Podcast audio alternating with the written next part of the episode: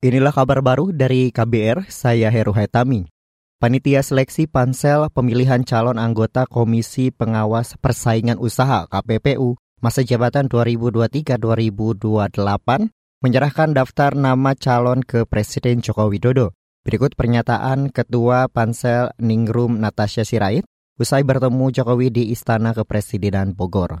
Pagi ini kami melaporkan bahwa pansel pemilihan komisioner KPPU 2023-2028 yang telah bertugas sejak bulan Oktober 2022 telah merampungkan hasilnya dan pagi ini eh, kami melaporkan kepada Bapak Presiden uh, 18 uh, nama calon ataupun kandidat komisioner KPPU uh, yang sudah diterima uh, oleh Bapak Presiden beserta Mensesnek. Ketua Pansel anggota KPPU Ningrum Natasha Sirait mengatakan, belasan nama yang dilaporkan merupakan hasil seleksi 220-an pendaftar. Nama-nama itu telah melewati berbagai tes mulai dari seleksi administrasi hingga wawancara.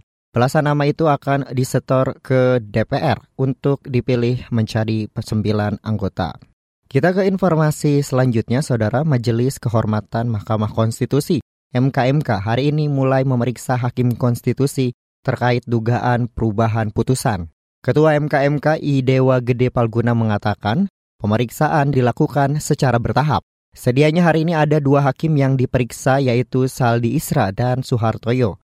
Namun Saldi Isra berhalangan karena ada tugas. Nanti setelah jadi putusan baru kita akan siarkan secara publik. Itu, itu kronologinya secara jelas kan pertanggungjawaban akuntabilitas kami kan harus jelas. Asetnya semua ada, risalahnya ada, berita acara pemeriksaannya ada, putusannya ada. Nah, setelah, setelah itu ya sudah silakan. Tugas kami selesai. Kita publik sekarang mau mengkritik, mau memuji, itu kan kemudian begitu nanti. Ketua MKMKI Dewa Gede Palguna mengatakan pemeriksaan hakim dilakukan guna mencari titik terang dari dugaan perubahan frasa putusan MK.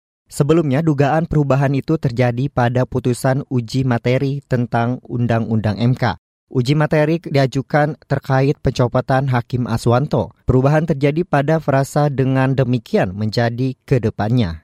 Kita beralih ke lantai bursa, saudara indeks harga saham gabungan IHSG turun 0,03 persen ke level 6.854.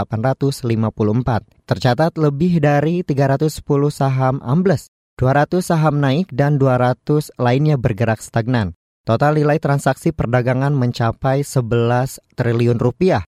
6 dari 10 indeks sektor saham melemah dan berada di zona merah. Pelemahan salah satunya terjadi di sektor kesehatan yang turun hingga 2,18 persen. Sementara itu, nilai tukar rupiah melemah 0,3 persen di pasar spot. Rupiah mengakhiri perdagangan di angka 15.265 per dolar Amerika Serikat. Demikian kabar baru dari KBR, saya Heru Hetami, salam.